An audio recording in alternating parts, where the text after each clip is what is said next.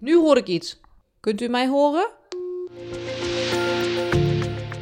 Dit is een podcast van katholiekleven.nl. Ja, hallo? Ja. Nu hoor ik u. Ja, Goedemorgen aan uw kant. Hier is het is gelukt. hier is het al vrij laat. Ja, het is gelukt. Het duurde even. Ja, ik ben uh, bisschop uh, Karel Tjuni, uh, bisschop van Paramaribo vanaf 2016. Vandaag heb ik bisschop Karel Tjuni in Suriname aan de lijn. Tjuni studeerde pedagogie aan de Katholieke Universiteit Nijmegen en hij studeerde af in de pastoraaltheologie aan de Katholieke Universiteit Leuven. Maar hij komt uit Paramaribo en daar keerde hij ook weer naar terug. En hoe word je bisschop van Paramaribo? Die wordt uh, door de paus benoemd. En waar zat u toen? Zat u toen allemaal Paramaribo? Ja, ik, ben, ik was toen ook al uh, vicaris-generaal van het bisdom. Ik heb een priesteropleiding in Trinidad en Tobago en in Leuven gedaan. Dat is een groot verschil, Trinidad en Tobago of Leuven.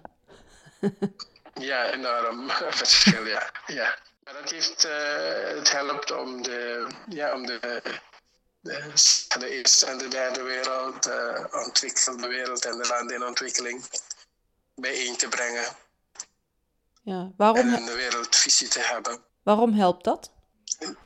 De ontwikkelingen um, moet je toch wel um, ja, globaal blijven kijken, want het is een universele kerk.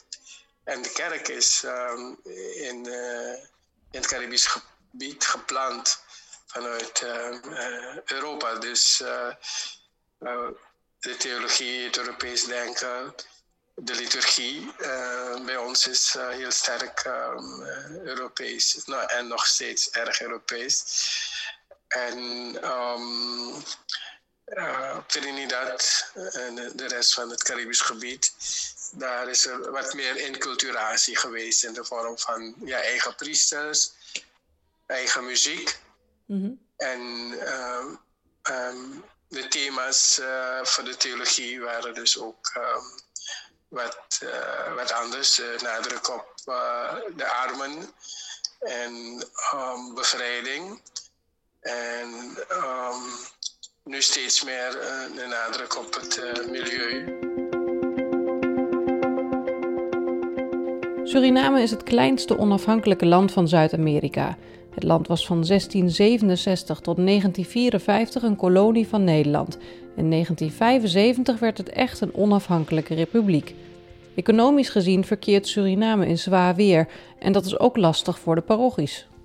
De sociaal-economische situatie in Suriname maakt het uh, ja, steeds moeilijker om uh, ook helemaal financieel um, onafhankelijk te worden. Dat, dat is het streven. Mm-hmm. Maar we hebben nu bijvoorbeeld een ontzettende geldontwaarding uh, door um, ja, slecht financieel beleid van, van de overheid, die uh, overbesteedt en um, enorme schulden maakt in het buitenland, waardoor de koers ten opzichte van de euro en de dollar dagelijks stijgt. En um, eigenlijk alle uh, besparingen die je hebt uh, teniet doet. Ja. En ook uh, is het duidelijk merkbaar in de, voor de mensen die ja, eigenlijk een vast loon krijgen, maar in de winkels worden geconfronteerd met prijzen die dagelijks stijgen. Ja. Dan maakt het, dat maakt het lastig. Heeft dat nu ook met corona te maken? Corona is er ook nog uh, bovenop uh, gekomen. Lang leek het heel goed te gaan in Suriname. Op het moment van ons telefoontje waren er nog maar 10 besmettingen, maar ondertussen is het aantal de afgelopen twee weken opgelopen en heeft Suriname Nederland om hulp gevraagd.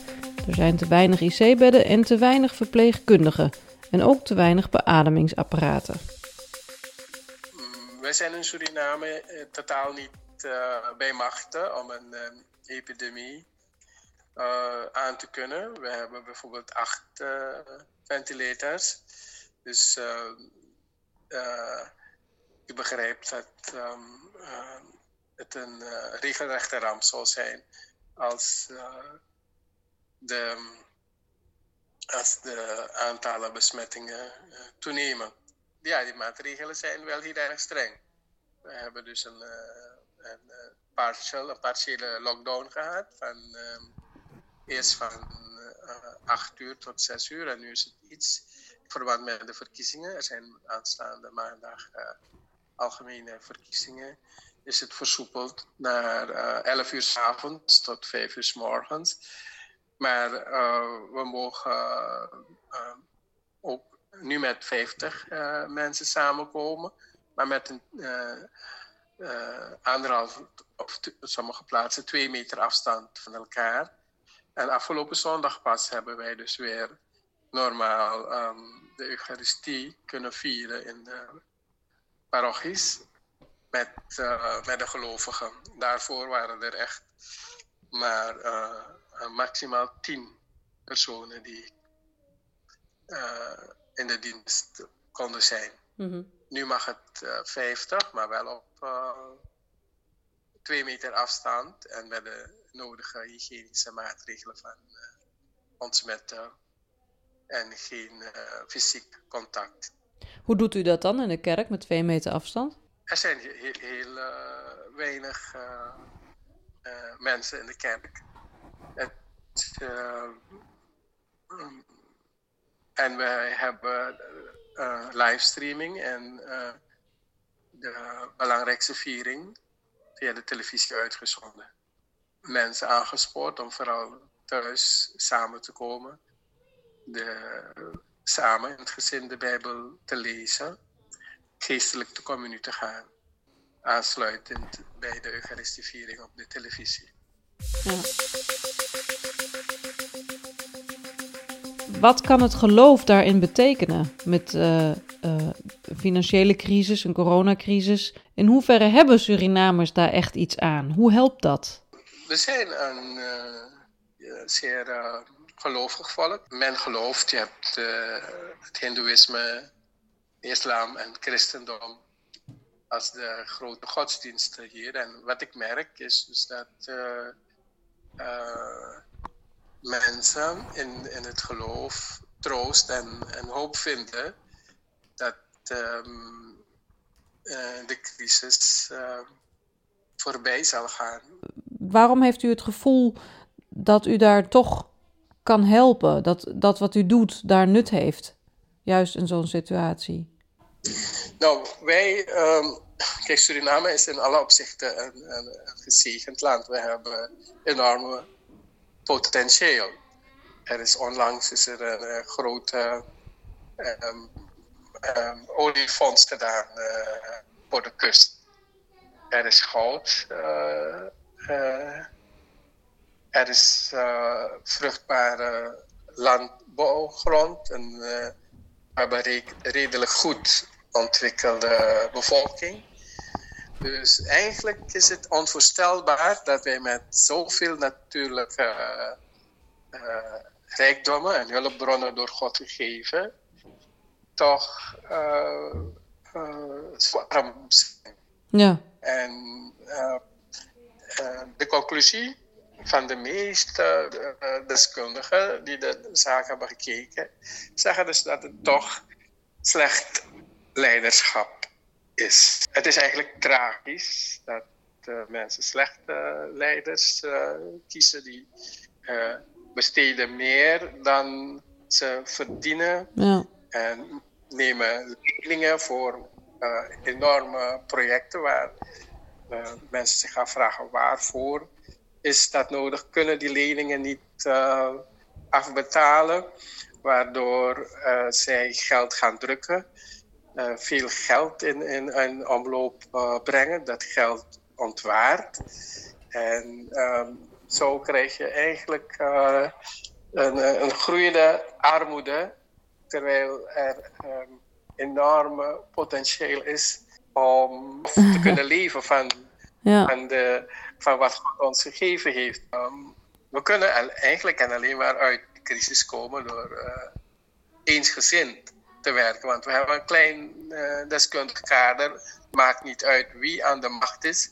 We zullen de deskundigheid van iedereen moeten gebruiken. Dezelfde artsen, dezelfde leerkrachten, verpleegkundigen, douaniers, uh, uh, juristen. die, die, die moeten het land opbouwen. Dus eigenlijk zouden wij gediend zijn met um, ja, een, wat meer eensgezindheid in het, ja. het politiek veld. Suriname heeft net verkiezingen achter de rug en krijgt waarschijnlijk binnenkort een nieuwe president. Het land voelt de wereldwijde beperkingen door corona aan den lijve. Is Suriname daar bang voor dat, dat het dan die financiële dus situatie nog erger maakt? De economische, de economische uh, uitwerkingen die beginnen al uh, uh, zichtbaar. Kijk, de vliegtuigmaatschappijen die kunnen niet vliegen, dus al de, de hotels en de toeristenresorts, die, die kunnen hun mensen ook al niet meer uh, in dienst houden. Um, de olieprijs uh, is uh, enorm gedaald, waardoor dus ook een van onze grootste inkomsten was van de staatsolie. Dus weer een, een stukje zegening die we niet van onszelf, maar van God hebben gekregen. Um, we hebben olie. En um, maar nu is de prijs uh, ja, onder de nul gedaald. Dus um, dat alles zal zich uh, laten gevoelen in, in, ons land. Want we zijn een vrij ge geïsoleerd land in de wereld. En dat wordt er niet beter op door dit? Het wordt nee, nee. Dit was een podcast van katholiekleven.nl. Bedankt voor het luisteren.